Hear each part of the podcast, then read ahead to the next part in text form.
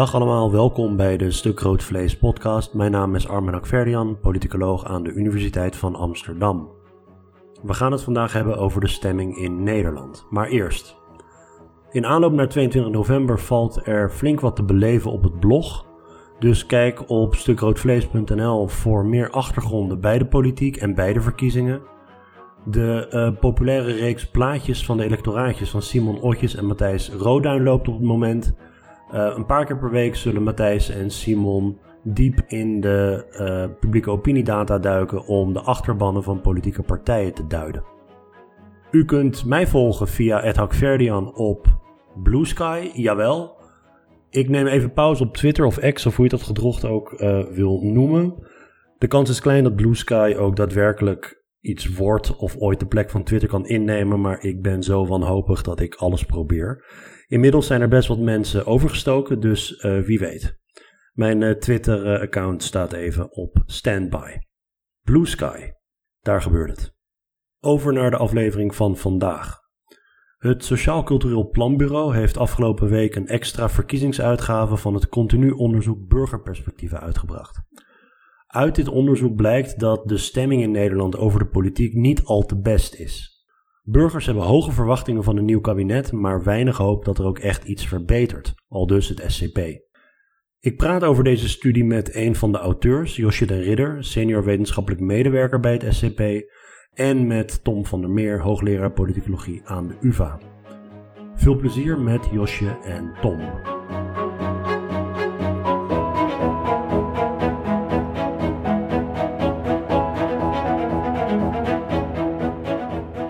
Goed, het is vrijdagmiddag. Ik zit hier met uh, Josje de Ridder en Tom van der Meer. Josje, welkom. Goedemiddag. Tom, hoe is het? Ja, goed. We gaan praten over vertrouwen. Dat doen we aan de hand van een um, onderzoeksrapport van het SCP. Het SCP heeft een reeks, de, uh, de COB, de Continu Onderzoek Burgerperspectieven. En er is een extra soort van verkiezings, um, ja, verkiezingseditie uitgekomen. Josje, jij hebt dat rapport geschreven samen met Bram Geurkink en Emily Miltenburg. Wat zijn wat jou betreft de hoofdpunten die naar voren komen uit deze, uh, uit deze onderzoeken? Uh, nou, ik denk drie hoofdpunten. Het eerste is dat uh, ja, de stemming over de politiek, maar ook over het land als geheel, de richting waarop het land zich ontwikkelt, daar zijn, de meerderheid van de burgers zijn daar best negatief over. Um, en eigenlijk ook iets negatiever dan in de afgelopen 15 jaar. Dus de stemming is negatief. Um, ten tweede dat we um, ook wel zien dat er, als we dan vragen waar mensen zich zorgen over maken, dat er behoorlijk veel thema's spelen in de publieke opinie. Dus in eerdere periodes zagen we wel dat één of twee thema's dominant zijn. Hebben bijvoorbeeld de economie of vluchtelingen of twee thema's, samenleven en, werk, en werkgelegenheid of zo. En nu zien we eigenlijk als we mensen vragen naar de belangrijkste maatschappelijke problemen en we tellen die bij elkaar op, dan komen er zo zes à zeven thema's uit die mensen heel belangrijk vinden. Dus er speelt nogal veel. En de politiek is daar ook één van. Dus uh, mensen zien de politiek ook echt als, als een probleem. Uh, en ten derde hebben we mensen gevraagd naar wat ze verwachten van een nieuw kabinet. En dan valt op dat ze dan natuurlijk verwachten dat de politiek al die problemen oplost. Dat ze zelf ook wat beter gaan functioneren. Dus dat die verwachtingen eigenlijk heel hoog zijn aan de ene kant, maar tegelijkertijd ook heel laag. Dus mensen hebben hele hoge verwachtingen van de politiek, die moet veel, veel doen. Uh, maar het vertrouwen in die politiek is laag. En dat komt eigenlijk door de afgelopen twee jaar, waarbij mensen hebben ook hoge verwachtingen hadden, maar eigenlijk hebben gezien dat daar weinig van is terechtgekomen. Dus ik denk dat dat de drie belangrijkste dingen zijn. Ja, voordat ik jou om een reactie vraag, Tom, ik wil even een, uh, een, een, een passage lezen, uh, voorlezen uit het rapport. Ergens aan het begin, uh, want die negatieve stemming waar je het over hebt. Ik was dat rapport aan het lezen en op een gegeven moment kwam ik, ik dit tegen. Zowel in open antwoorden in de enquête als in de focusgroepen zeggen mensen dat ze vinden dat we het in Nederland goed hebben in vergelijking met andere landen. In de enquête geeft 68% van de Nederlanders de economie een voldoende. De eigen financiële situatie krijgt van 88% een voldoende. Nederlanders geven hun eigen leven gemiddeld een rapportcijfer 7,7, dat is bijna cum laude.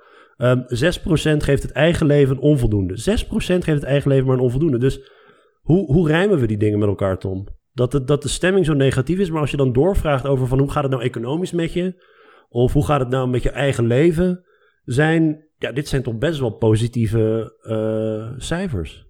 Ja, zeker. Uh, maar er zitten drie kanten aan in die publieke opinie die denk ik hier van belang zijn. Ehm, het eerste is dat mensen over de samenleving eigenlijk toch al pessimistisch zijn. Uh, we denken heel vaak dat het tien jaar geleden, twintig jaar geleden beter was dan nu. En dat het in de toekomst slechter zou gaan. Dat is een soort van grondtoon die je wel, wel vaker ziet. Um, er was een keer een heel mooi onderzoek um, van het ISSP. Maakt er maar verder niet zoveel uit. Maar daar zijn gewoon mensen um, gevraagd van... Hey, hoeveel uh, vertrouwen hadden jullie in de democratie tien jaar geleden? En hoeveel nu? En dan werd dat tien jaar later nog een keer gevraagd. En je ziet in die vergelijking dat mensen na tien jaar niet gemiddeld genomen minder tevreden zijn geraakt over die democratie, maar wel denken dat ze minder tevreden zijn geraakt. En dat zien we ook voor vertrouwen in de politiek heel vaak. Dat zien we um, ook uh, rond de economie en de samenleving heel vaak. Zelfs op momenten dat het vertrouwen aantoonbaar gestegen is. Kijk, nu zitten we in de fase dat het vertrouwen sowieso gedaald is. Dus is dat nog uh, uh, veel duidelijker aantoonbaar. Een, een tweede kenmerk hierbij is dat wanneer we denken aan die politiek, dan gaat dat niet alleen maar over output. Heel veel gaat er ook over de procedures, of de overheid netjes handelt en onpartijdig is. Kijk, heel veel mensen worden niet per se direct geraakt door het feit dat de, um, de middenpartijen de afgelopen twee jaar te vaak hebben moeten navelstaren. Of door het feit dat stikstof uh, een enorm probleem is, of dat het Groninger gas voor de Groningers tot enorm probleem heeft geleid, of, of, of zelfs de toeslagenaffaire niet. Maar ze zien wel hoe die procedures gaan en dat dat niet onpartijdig is. En daar reageren ze op. Dus het gaat niet alleen maar om output. En dan nog geldt rond output. Ja, Nederlanders kunnen nog wel zeggen van hé, hey, onze economie draait best lekker. En uh, misschien ook in vergelijking met andere landen. Maar het gaat er ook uh, erom hoe het gaat ten opzichte van de verwachtingen die je had hoe het met Nederland zou gaan. Dus dat eikpunt van wat waren je verwachtingen, doen er ook echt toe. En dan kijken Europeanen bijvoorbeeld niet over de landsgrenzen. Het helpt niet om te zeggen, hey, het gaat hier misschien even niet zo lekker, maar kijk eens naar Engeland, daar gaat het pas echt slecht. Of tijdens de grote recessie, kijk eens naar Griekenland, want daar gaat het pas echt slecht. Ja, Nederlanders kijken toch dan naar hun eigen verleden. En dat geldt ook voor Duitsers en Fransen en al die anderen. Even uh, terugkeren op die opeenstapeling van um, onderwerpen die mensen nu noemen. Zie je dan ook dat er thema's zijn die door alle lagen van de bevolking heen als belangrijk worden gevonden en bepaalde thema's liggen gevoeliger bij sommige groepen dan bij anderen? Of is het Nederlandse electoraat hopeloos verdeeld? Hoe, hoe zit dat met die uh, opeenstapeling van maatschappelijke problemen die mensen signaleren? Um, nou, het is eigenlijk allebei zo. Er zijn thema's waar iedereen het over eens is dat het een probleem is en er zitten verschillen in. Dus over het algemeen is er wel overeenstemming dat uh, er problemen zijn op de woningmarkt met klimaat en stikstof, uh, met immigratie. Um, en vooral ook met de, en dat, met de politiek. En dat het ook allemaal de schuld is van de politiek. Dus daar is wel overeenstemming over. Uh, daar zie je wel kleine groepsverschillen. Maar echt onder alle, de aanhang van alle partijen vinden grote delen vinden dat. Um, waar, verdeeld, waar wat meer verdeeldheid over is, is, uh, is wat dan het probleem is op die thema's. Dus op het gebied van de woningmarkt en ook hoge prijzen, inflatie, uh, inkomensverschillen. Goede zorg, hè, dat is wat, iets wat iedereen wil. Uh, en daar is eensgezindheid over. Verdeeldheid is er vooral als het gaat over klimaat, over immigratie en integratie. Dus veel mensen vinden klimaat een probleem, maar sommige mensen vinden dan dat de, de klimaatverandering een probleem is die heel snel aangepakt moet worden.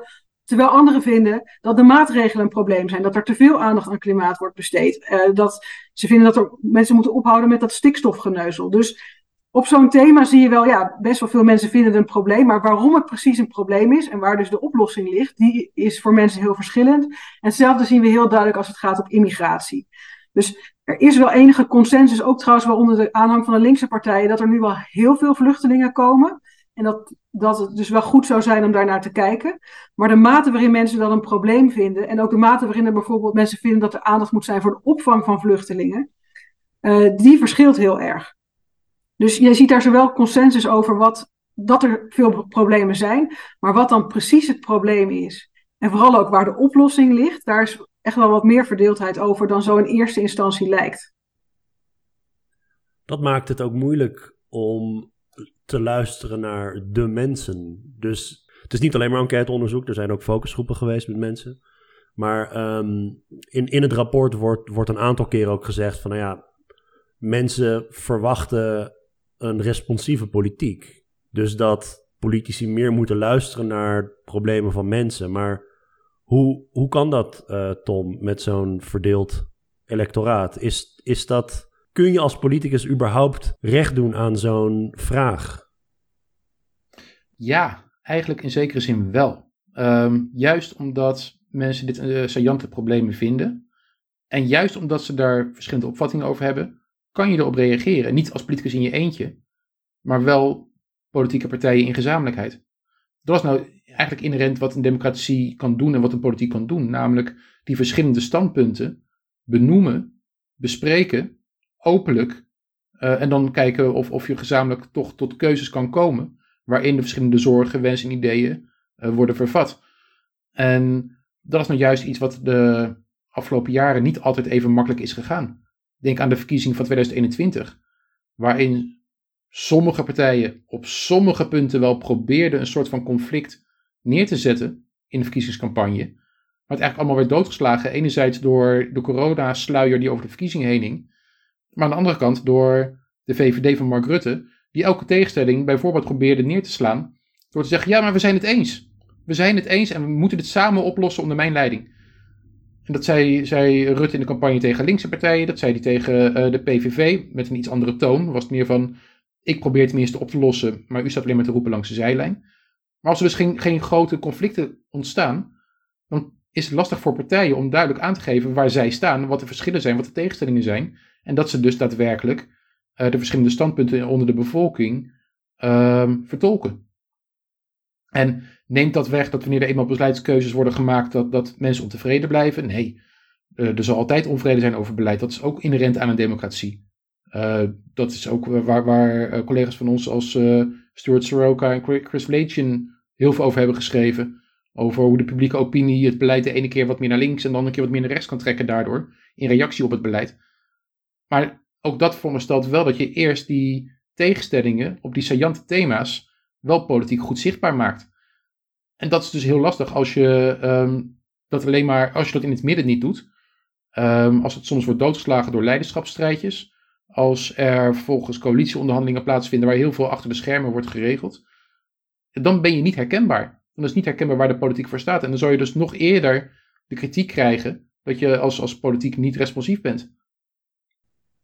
Ja, ik heb um, toen, toen ik het, het rapport las en in de, in de bijlagen staan ook heel veel tabellen met um, nog verdere cijfers over hoe bijvoorbeeld verschillende opleidingsgroepen, verschillende leeftijden, verschillende partijaanhangers en zo, hoe die aankijken tegen al deze prioriteiten. Um, ik bedoel niet om op de zaken vooruit te lopen, maar ik, ik was dat aan het lezen en ik denk, hoe moet een toekomstige coalitie in hemelsnaam dit allemaal, al die bal in de lucht houden? Hoe, ik bedoel, zo'n achterban van Partij van de Arbeid GroenLinks bijvoorbeeld, als je kijkt naar hun prioriteiten, en dat bleek ook uit onderzoek van INO Research van een paar weken geleden, die willen aandacht voor klimaat, die willen aandacht voor armoedebestrijding. Armoedebestrijding is iets waar het SCP eh, expliciet uh, heeft gevraagd. Um, Partij van de Arbeid GroenLinks en uh, Partij voor de Dieren SP, dat zijn, als het gaat om het prioritiseren van armoedebestrijding, zijn dat de achterbannen die dat verreweg het hoogst hebben. Tegelijkertijd, de VVD scoort daar heel laag op, VVD-kiezers, of relatief laag. Maar als je dan kijkt naar bijvoorbeeld zo'n thema als, uh, als inderdaad klimaat of stikstof of immigratie. En stel nou dat, dat zo'n partij moet samenwerken met de VVD. Of, um, dan ga je een situatie krijgen, denk ik, waarbij uitruil plaatsvindt op deze verschillende thema's die mensen zo belangrijk vinden. En dat je alsnog heel veel teleurstelling gaat krijgen bij. Ik bedoel, vergeet oppositiekiezers, die zullen er waarschijnlijk allemaal uh, nog kritischer op zijn. Maar gewoon die coalitiepartijen zelf. Uh, omdat die, die partijen die met elkaar gaan samenwerken zo andere, hun, kiezers in ieder geval, zulke andere dingen willen met Nederland. Ja, maar de, de, de, um, er zitten twee lagen achter. De, de eerste is dat um, het partijlandschap en dus ook de kiezers zijn eigenlijk uiteengevallen in drie blokken. Dus waar je vroeger nog wel eens met, met partijen uit één blok een duidelijke regering met een profiel kon hebben, Denk aan ehm, CDA, VVD, of later CDA, VVD, LPF, uh, VVD, CDA, PVV. Gaat dat nu eigenlijk niet meer? Want je hebt bijna altijd nu partijen nodig uit verschillende blokken in één regering. Dus ja, dat maakt het echt heel veel lastiger. Um, al langer wordt geroepen, ja, dan ga je toch werken met uh, regeren via uh, uh, minderheidscoalities of um, regeerakkoorden op hoofdlijnen. Maar het is om diezelfde reden ook moeilijker geworden.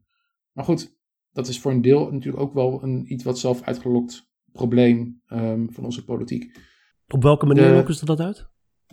Als je steeds brede middencoalities uh, formeert, zoals de afgelopen pak een beetje 12 jaar het geval is geweest, dan um, gaan kiezers die ontevreden zijn, die gaan naar de flanken. Maar als die flanken stevast niet bij de formatie betrokken kunnen of willen worden, dan, dan, dan ontstaat daardoor dat derde blok. Dat, dat het verschil tussen centrumrechts, VVD, CDA, en wat we radicaal rechts noemen, eh, PVV, Forum, um, dat, is, dat is vooral ook echt een verschil wanneer het gaat om vertrouwen. Vertrouwen in de politiek, vertrouwen in de elite. Daar zie je een heel groot verschil op. En die kiezers die ruilen bijna niet meer tussen de partijen uit de verschillende blokken in. En daar ben ik ook heel erg benieuwd wat er de komende tijd op dit thema zal gaan gebeuren. Maar dat is de ene kant. Dus het is ook echt lastiger geworden in de afgelopen ja, zes jaar of zo. De andere kant is, ja, het is heel lastig om kiezers bij elkaar te brengen met al die uiteenlopende verzoeken en prioriteiten. Maar wat Josje ook net aangaf, er zijn momenten waarop er veel meer overeenstemming is over wat de belangrijke thema's zijn en zelfs hoe, wat daar de aanpak voor zou moeten zijn. Um, dat gebeurt bijvoorbeeld in crisistijd, dat gebeurt in tijden van uh, uh, economische recessie, dat gebeurt, uh, gebeurde tijdens de, de grote vluchtelingencrisis 2015, 2016 vanuit Syrië. Dan zie je wat meer overeenstemming op specifieke deelthema's ontstaan. Normaliter zou je ook verwachten dat politieke partijen er ook toe in staat zijn om in gezamenlijkheid aan te geven, jongens, dit zijn nou echt de één of twee grote thema's van deze verkiezingen. Dit zijn de prioriteiten, stem langs deze prioriteiten. En dan kunnen ze ook als een soort van bakens fungeren van dit is wat de partijen betreft de inzet van deze verkiezingen. Dan gaan mensen meer op basis daarvan stemmen, zodat ze ook meer richting krijgen. En dan zullen coalities ook op die prioriteiten meer rekening kunnen houden. Als ze dat niet doen, dan gaan kiezers allemaal op hun eigen, soms wat idiosyncratische redenen op partijen stemmen. Maar stel je voor, je stemt op, of nou GroenLinks PvdA is, of CDA, of, of D60 of VVD. Je stemt op een van die partijen. Jij doet het vanuit economische motieven. Uh, Josje uh, doet het vanwege uh, het, het, het stikstofidee. Ik doe het vanwege democratische vernieuwing. En ze gaan dan coalities formeren. Ja, dan, dan, of het nou een uitrouw is of compromissen sluiten. Ze zullen ergens terechtkomen wat niet noodzakelijk van al onze drie tegelijkertijd dezelfde bedoeling is geweest. Dus dan raken ze dat type kiezers ook weer eerder kwijt. En dat is nog een groter probleem als je je campagne laat voeren op leiderschap, wat de afgelopen twee verkiezingen het geval is geweest. Dan gaan mensen stemmen op vertrouwen en op, op basis van, van strategische overwegingen. En niet per se op basis van inhoud, waardoor je kiezers nog moeilijker meeneemt. Dus partijen hebben ook echt een agenda-zettende functie in verkiezingstijd en kunnen grote thema's neerzetten. Maar ook dat is dus weer moeilijker geworden, omdat we nu met zoveel partijen zitten uit verschillende blokken. Waardoor het mij één maand voor de verkiezingen niet duidelijk is wat nu de dominante thema's zullen zijn vanuit politici zelf geredeneerd. Josje, jij stak je hand op? Nou ja, ik bedoel, kan Tom heel goed volgen. Hè? En, en, en ook het belang, waarom, belang van het uh, formuleren van prioriteiten door politieke partijen en misschien uitkomen op, op één of twee thema's. Uh, maar goed, dat heeft ook wel in het kader van de publieke opinie een moeilijkheid in zich. En dat is dat uh, die problemen die kiezers zien, hè, bijvoorbeeld wonen, klimaat, stikstof, immigratie.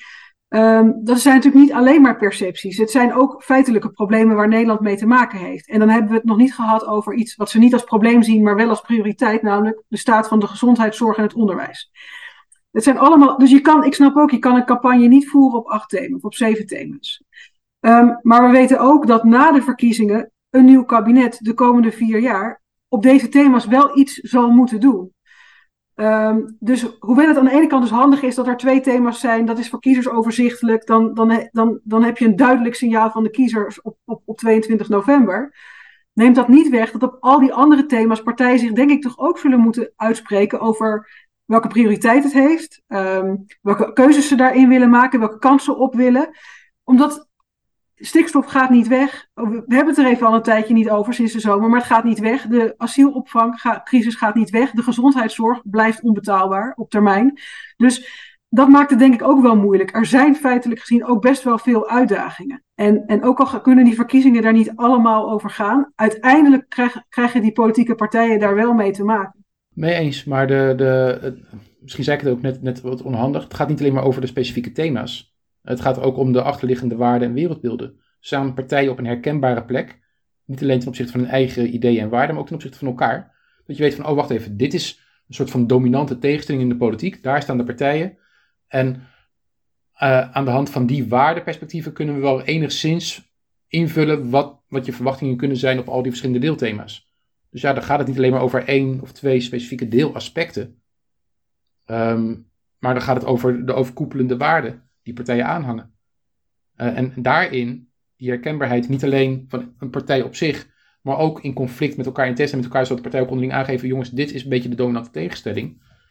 Zoals in het verleden de dominante tegenstelling er eentje was rond uh, sociaal-economische tegenstellingen. En als tweede ging het dan rond christelijke ethiek.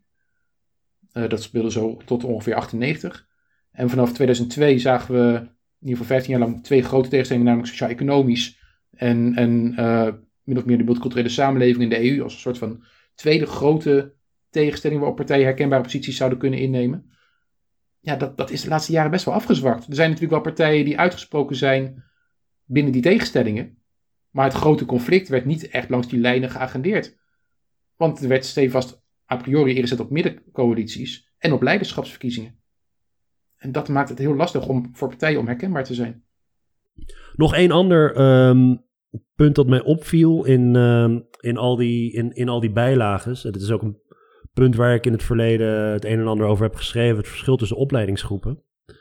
Um, en ik vind het interessant dat de uh, achterban van uh, GroenLinks, Partij van de Arbeid, wordt, wordt soms weggezet door, ja, door, door, door critici als een soort gymnasium links.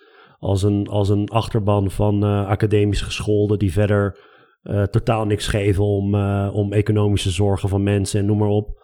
Maar dat je dus ziet dat onder HBO'ers en WO'ers, dat die armoedebestrijding iets minder prioritiseren dan bijvoorbeeld uh, andere opleidingsgroepen. Maar dat onder die GroenLinks en uh, Partij van de Arbeid achterban dat weer hoger is. En dat is iets wat ik in, in recenter onderzoek van mezelf met, met anderen ook zie. En waar ik ook meer aandacht aan besteed dan vroeger, is dat die groep die wij dan allemaal op één hoop gooien van dit zijn allemaal academisch gescholden, dat die groep groter is geworden over de uh, loop van de afgelopen decennia. En dat die ook diverser is geworden. En dat in die groep zitten ook heel veel VVD'ers. En dat zie je wel in die data terug van ook het SCP. Van onder die uh, academisch geschoolde VVD'ers, daar ligt die prioritisering van iets als armoedebestrijding heel laag. Maar, um, en dit sluit trouwens ook aan bij onderzoek dat Simon Hicks en Tariq Abu Shadi hebben uh, gedaan Um, in, in reactie op uh, Piketty's laatste boek, ik heb er ook een podcast met Tarek over opgenomen, dat onder academisch gescholden die op, op, op linkse partijen stemmen, dat daar economisch linkse houdingen heel erg dominant zijn. Dat vond ik wel interessant, dat in die, in die, in die publieke discussie over de uh, uh, hoogopgeleide achterban van GroenLinks en Partij van de Arbeid, dat mensen er dan van uitgaan van, oh, dat zijn mensen die bijvoorbeeld helemaal niks geven om inkomensherverdeling. Het, tegenovergestelde is waar. Dat zijn, uh, dat zijn groepen die, die heel erg geven daarom. Maar dat is toch nooit anders geweest? Dus, dus um, ja, ik moet even denken, dus ik heb onderzoek gedaan naar leden van politieke partijen. Onder andere PvdA, GroenLinks en ja, ook VVD, CDA.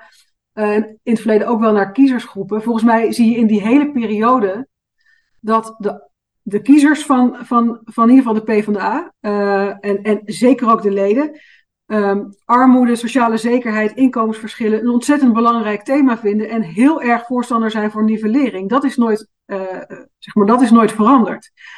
Um, wat je wel ziet in onderzoek bijvoorbeeld naar partijleden, en, maar ook kiezers en, en, en ook wel vertegenwoordigers, is dat de aandelen mensen met een basisschoolopleiding of een uh, mbo-opleiding in deze specifieke partijen onder de kiezers en onder de leden, die groepen zijn teruggelopen. Dus uh, die achterbannen zijn wel van samenstelling veranderd, maar die, die opvattingen, die opvattingen over het belang van die economische dimensie is daar altijd, is daar altijd wel, uh, wel gebleven.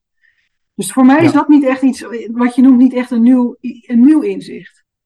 Nee, voor jou niet. Maar dus dat, dat laatste boek van, van Piketty uh, zette vol in op de veranderende samenstelling wat betreft opleidingsniveau. Um, zonder eigenlijk niet te kijken naar de opvattingen van groepen.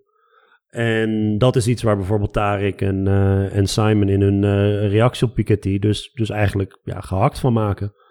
Dat je echt zorgvuldig moet zijn in waarom verschillende groepen, en dat kunnen sociale klassen zijn, kunnen inkomensgroepen zijn, kunnen opleidingsgroepen zijn, um, waarom die zich aansluiten bij verschillende partijen. Eigenlijk die tussenliggende stap van dat je gaat van sociaal-economische achtergrondkenmerken via houdingen en politieke standpunten naar partijkeuze, uh, dat die tussenliggende stap cruciaal is om dan zo'n groep te duiden. Ik bedoel, je kunt ze wegzetten als gymnasium links, maar dat is wel een gymnasium linkse groep die uh, economisch linkse houding heeft. En dat is een andere groep dan gymnasium rechts. Uh, weet je, dus dat, en dat vond ik opvallend. Maar goed, ik ben natuurlijk, ik word meteen getriggerd door dat soort bijzinnetjes in zo'n rapport. Maar ik vind het wel belangrijk om dat, om dat aan te stippen. Dat die groep um, academisch gescholden, dat die over de afgelopen decennia diverser is geworden. En um, ook om verschillende redenen zich aansluit bij heel uiteenlopende partijen. Maar dus, ik bedoel, dit is een, een groter probleem in, in, in politiek, publieke opinieonderzoek. Um, dat soms de, de onderzoekers niet goed door, altijd doorhebben. Uh, ik heb het nu over zetelpijlers. wat het verschil is tussen een publieke opinie en een daadwerkelijk harde achtergrond. Er is bijvoorbeeld een laatste staatje verschenen over uh, hoeveel zorgen mensen zich maken over hun inkomen. En er werd meteen een punt van gemaakt. Hé, hey, kijk, uh, die GroenLinks-kiezers, die maken zich niet zoveel zorgen over hun inkomen. Dus dat, dat, dat, dat zijn blijkbaar rijke mensen. Terwijl als je kijkt naar het harde onderzoek, naar de hardere gegevens, de feitelijke inkomens, van, van die groepen mensen, dan zie je wel degelijk dat, dat uh, de, de, de GroenLinks-kiezers um, lager zitten dan de kiezers van andere partijen met hun inkomen. Heel veel van die andere partijen. Alleen, ze maken zich er minder zorgen over.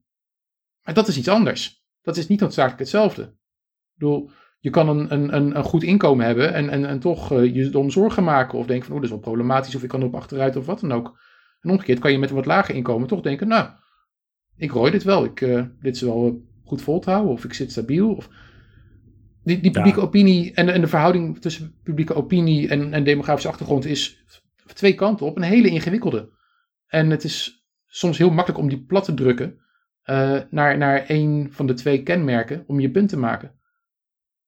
Wat hier volgens mij ook nog wel speelt, is dat mensen zich niet altijd zorgen maken over zichzelf. Dus er wordt heel snel ook een soort, een soort van eenzijdige relatie verondersteld. Of een relatie, dus het gaat, hoe het met je gaat heeft invloed op de thema's die je belangrijk vindt. Nou, dat is tot op zekere hoogte waar. Maar er zijn heel veel mensen die zich geen zorgen maken over hun eigen financiële situatie. Eh, jij begon te noemen, je begon de uitzending met te noemen hoeveel mensen tevreden zijn met hun eigen financiële situatie in Nederland, hoeveel mensen de economie een goed cijfer geven.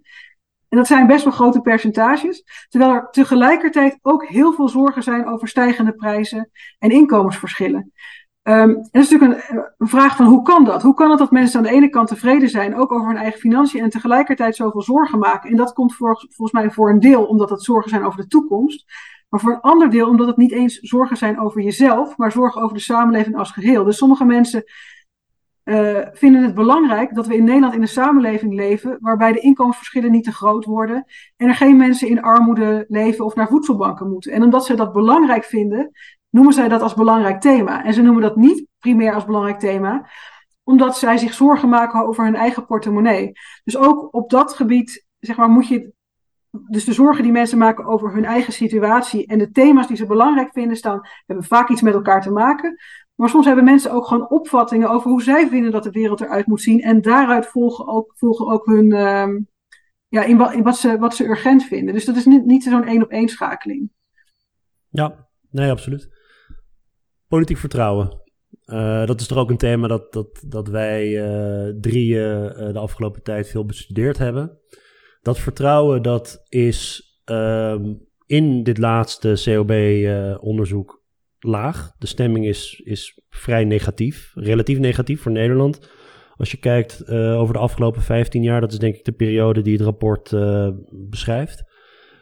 misschien even helemaal terug naar de basis, uh, Tom. Um, moeten we ons zorgen maken over politiek wantrouwen? En dan misschien twee onderdelen daarvan. Ten eerste het politiek wantrouwen van een samenleving. En politiek wantrouwen van een individu. Dus wat voor gevolgen heeft het voor een samenleving dat het wantrouwen laag is? En wat gevolgen heeft dat voor, voor concrete individuen als het wantrouwen laag is? Ja, de, traditioneel is het idee dat, dat het uh, wantrouwen echt heel erg belangrijk is. Slecht, in slechte zin voor de democratie en voor het functioneren ervan. Er, is meer onderzoek geweest naar wat het doet met individuen. Dus laat ik daar even mee beginnen. Ja. Um, en, en dan is eigenlijk de conclusie dat we ons niet per se heel erg veel zorgen hoeven te maken dat het vertrouwen op dit moment laag is. Um, allereerst, het vertrouwen is laag, maar het is gericht laag. Namelijk, het is laag in de politiek. En dan vooral de Haagse politiek. Um, en dat heeft ook nog eens een keer aanleidingen. Uh, die aanleidingen zitten in verschillende grote schandalen die doorleven. Zitten in een uh, politieke generatie die in 2021 dusdanig lang is gaan navelstaren dat ze kiezers hebben verloren in hun vertegenwoordigende rol. Dus het heeft aanleidingen en daarmee is, is het vertrouwen weliswaar laag, maar niet, het is niet blind wantrouwen. Mensen zijn niet systematisch afgehaakt. Maar dit is gewoon een reactie op wat er gebeurt op een lage betrouwbaarheid van de overheid en van de politiek.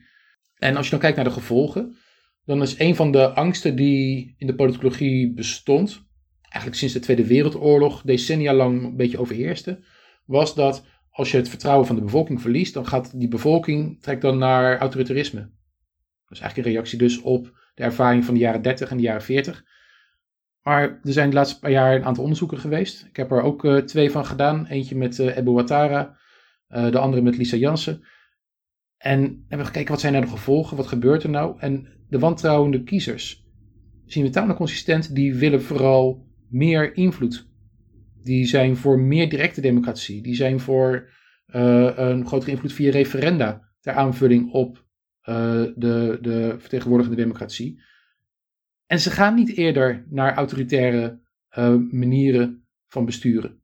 Sterker nog, in allebei die onderzoeken, het zijn twee verschillende onderzoeken, zien we eerder het omgekeerde zien we eerder dat wantrouwende kiezers wegblijven van autoritair leiderschap. Dus daar zit niet de grootste zorg. Voor de, uh, voor de samenleving geldt eerder dat als het vertrouwen laag is, dan zou je eerder zien dat mensen gaan, gaan uh, demonstreren. Dus als je dan de keuze hebt van hey, uh, kies ik tussen ja, meer op partijen gerichte vorm van participatie of meer participatie tegen het systeem. Dan, dan kiezen mensen eerder voor demonstreren of voor petities of, of dat soort zaken. En het tweede, en dat is denk ik het belangrijkste eh, nadelige effect van, van laag vertrouwen, is steun voor lastige beleidskwesties is minder vanzelfsprekend als het vertrouwen in de politiek laag is. Het is lastiger om steun van de bevolking te krijgen daarvoor.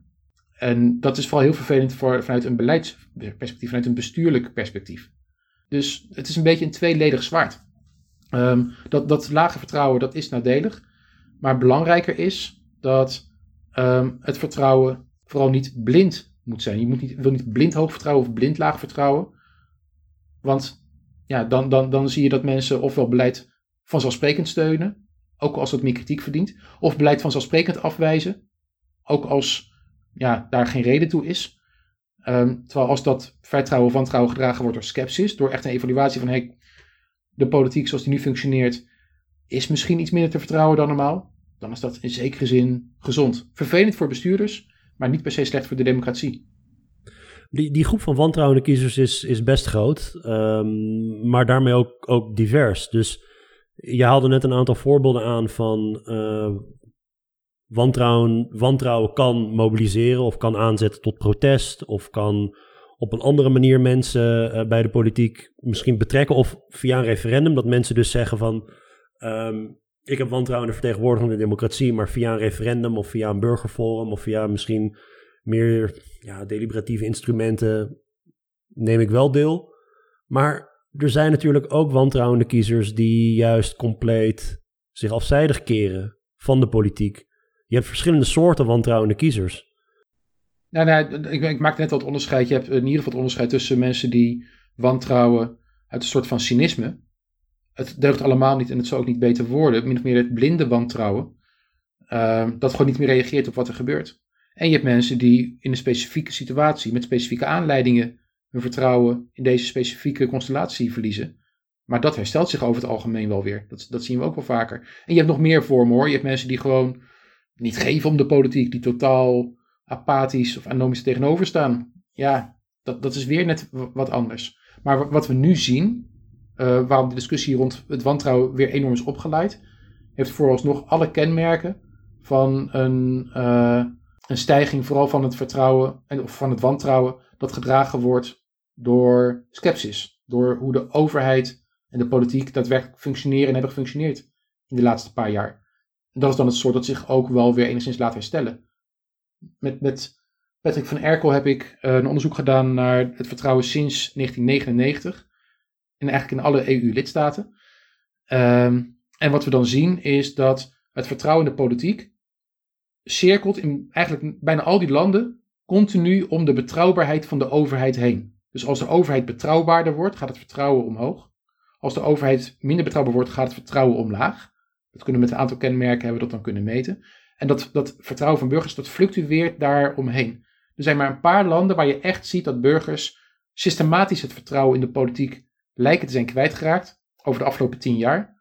En dat uh, zijn Frankrijk en Spanje. Daar is het, het vertrouwen in de politiek systematisch lager geraakt dan wat je zou verwachten modelmatig op basis van de betrouwbaarheid van, van hun overheden. Maar dat, dat zagen we dus nog niet in Nederland. En een van de redenen waarom we dat niet zien, is omdat democratieën dus zo'n zelfreinigend vermogen hebben. Bestuur dat kan reageren op die tekortkomingen. Het belangrijkste zelfreinigende mechanisme, dat zijn de verkiezingen. Verkiezingen hebben twee enorm mooie effecten. Uh, heeft Remco Voogd uh, uh, dan weer laten zien. Ehm, de eerste is, is bijna procedureel. Het is een, een, een procedure waarbij echt aan de burgers wordt voorgelegd ehm, aan wie geef jij de voorkeur. Dus politie leggen hun oor te luisteren, die komen met ideeën, laten zien dat ze er ook echt wel over hebben nagedacht. Dat is heel positief. En daarnaast, de uitkomst van verkiezingen zorgen ervoor dat de samenstelling van, de, van het parlement, van de Tweede Kamer, weer in lijn wordt gebracht met onze voorkeuren. Tussentijds zijn die politici afgedreven um, in een of andere richting. Laten we even uitgaan dat onze voorkeuren gewoon hetzelfde blijven. Maar de politie zijn een kant op gegaan die misschien niet onze bedoeling was. En met op verkiezingsdag kunnen we dat weer bij elkaar brengen. En is er weer een nieuwe ronde, zijn er nieuwe mogelijkheden. En ook dat leidt weer tot een stijging van het vertrouwen. Er zit er wel een zorg aan op dit punt. Als je het hebt over dat, dat, uh, dat, dat mooie effect van verkiezingen. Als je bijvoorbeeld al weet dat jouw partij buitenspel staat na afloop van die verkiezingen, kan dat voor sommige kiezers een bewuste keus zijn. Dan stem je bijvoorbeeld op een getuigenispartij, waarvan je weet die gaat niet regeren, maar het gaat erom dat dat stem, die, die stem gehoord wordt. Maar als je eigenlijk vindt dat, dat je ook moet gaan regeren, maar jouw partij elke keer niet mee kan doen bij die coalitieformatie, of mee wil doen bij die coalitieformatie, dan kan je op een gegeven moment in de hoek komen dat je tamelijk structureel je, je vertrouwen in de politiek wat aan het kwijtraken bent. Ja, dat soort wantrouwen, dus dat je spreekt over bijvoorbeeld uh, blind vertrouwen, blind wantrouwen. Soms heb je skepsis bij mensen. De skepsis, dat is het soort vertrouwen dat teruggewonnen kan worden, eventueel door een overheid, door eigen functioneren te verbeteren. Jij noemt het niet zo, maar, maar gewoon grof vertaald. Het is, is het vertrouwen nou terecht of onterecht? Is het nou, is het nou uh, terecht wantrouwen of, of niet? En um, ik wil een voorbeeld noemen van, um, van een groep waarbij het vertrouwen in de politiek nagenoeg niet bestaat. Um, dak, uh, daklozen, dak- en thuislozen.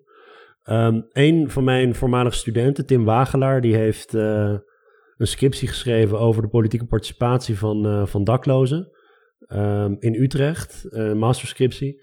En um, een, tijdje geleden toen uh, vroeg Tim mij om mee te doen aan een uh, themaavond over dat onderwerp. Hij ging dat presenteren. Hij is zelf ook actief voor de Partij van de Arbeid. Um, en die scriptie die bestaat dus onder andere uit uh, interviews met daklozen. Hij heeft meegelopen met organisaties voor daklozenopvang in Amsterdam.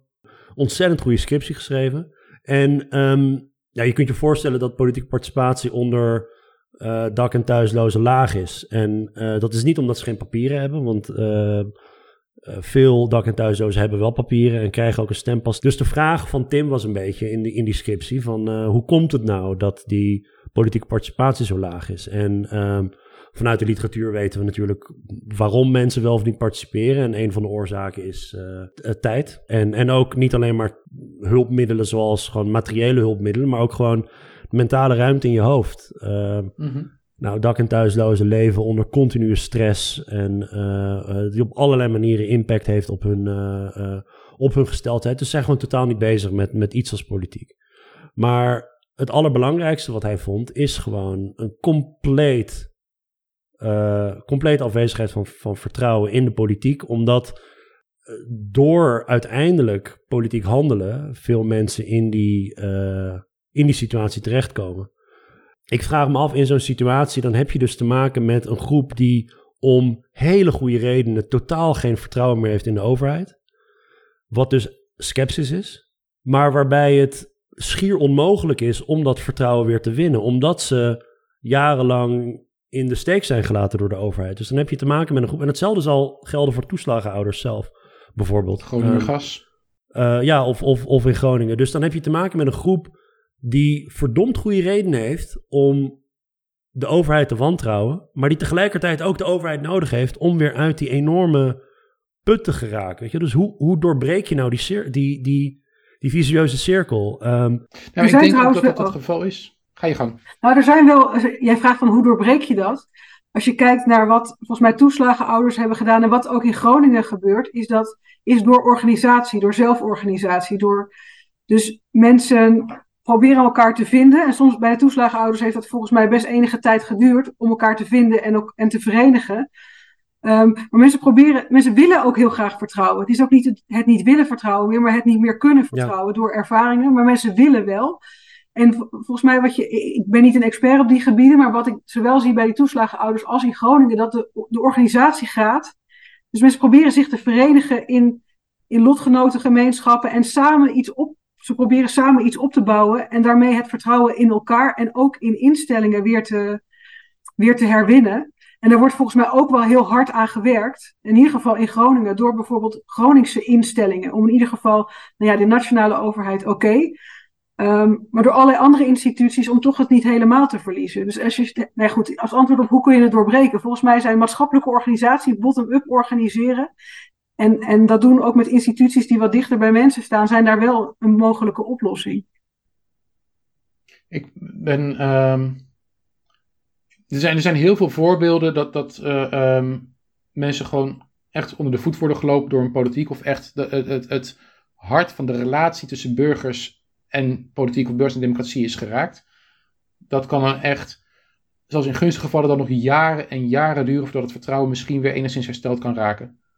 Dus dat is zeker, zeker het geval. Ik bedoel, uh, een overheid die burgers jarenlang voorliegt, of, of zoals in Hongarije gebeurd is, um, uh, door de voorganger van Orbán. Um, of denk aan, aan Amerika met politieke schandalen, politieke moorden, Watergate, noem maar op. Dan kan het vertrouwen echt heel, heel lang gewoon laag en weg blijven. Jullie hebben het in België gezien in de jaren 90 met corruptieaffaires en de Dutroux-affaire. Ook echt heel erg lang. En dat zal nog erger zijn als je persoonlijk wordt geraakt daardoor. Zoals inderdaad de voorbeelden die je net noemde. Mensen die gewoon systematisch door beleid um, ja, worden weggezet. Uh, in hun, in hun, bijna in hun bestaansrecht uh, worden gepakt. Wat de overheid daartegen kan doen, naast wat Josje net noemt over rond zelforganisatie, het belangrijkste is dat de overheid blijft investeren in betrouwbaarheid. En dat niet als een kunstje om op korte termijn te denken, oh daarmee kunnen we het vertrouwen weer even herstellen of even oppoetsen.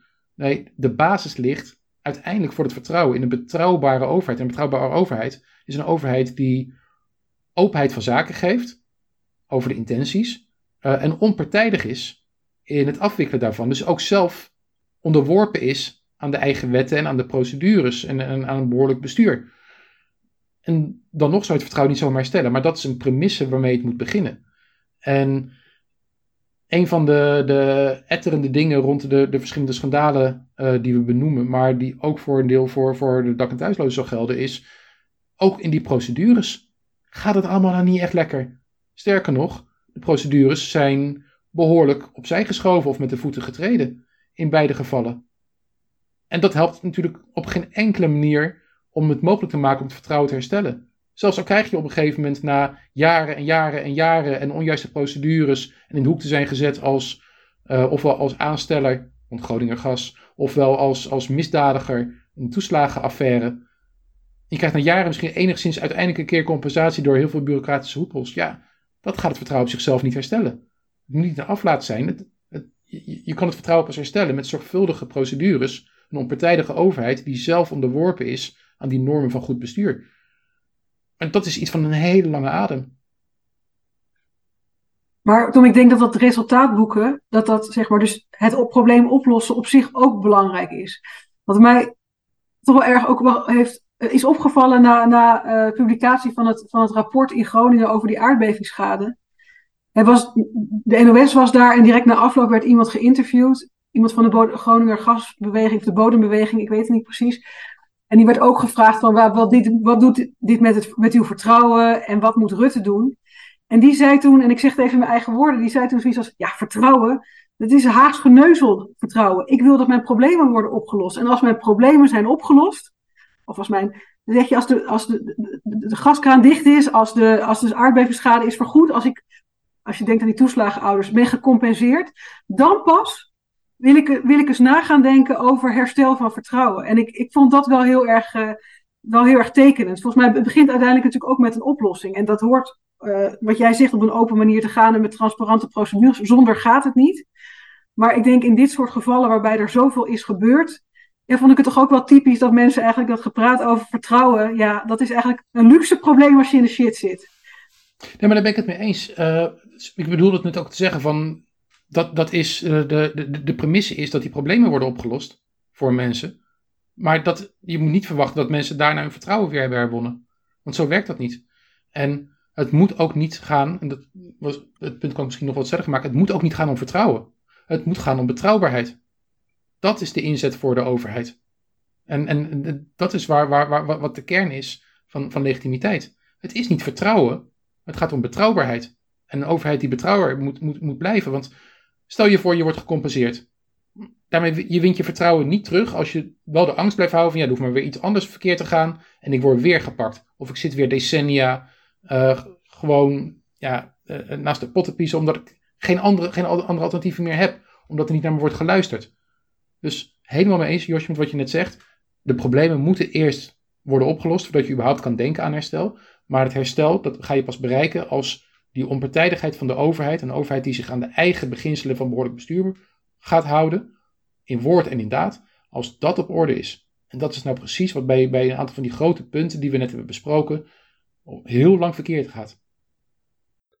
Ik heb uh, geen zin, moet ik je eerlijk bekennen, in uh, straks als die tv-debatten echt uh, losbarsten, dat dan politici gaan praten over vertrouwen. Want dat is zo'n niet-zeggende term geworden. Het is om vertrouwen te winnen moet je volgens Wilders de migratie aanpakken. En moet je volgens uh, dus meer uh, politie op straat hebben. En moet je volgens uh, Van der Plas moet je iets doen aan de situatie van de boeren. En uiteindelijk vertrouwen is een soort van excuus geworden van um, doe maar gewoon wat mijn partij wil en dan herstel je het vertrouwen wel.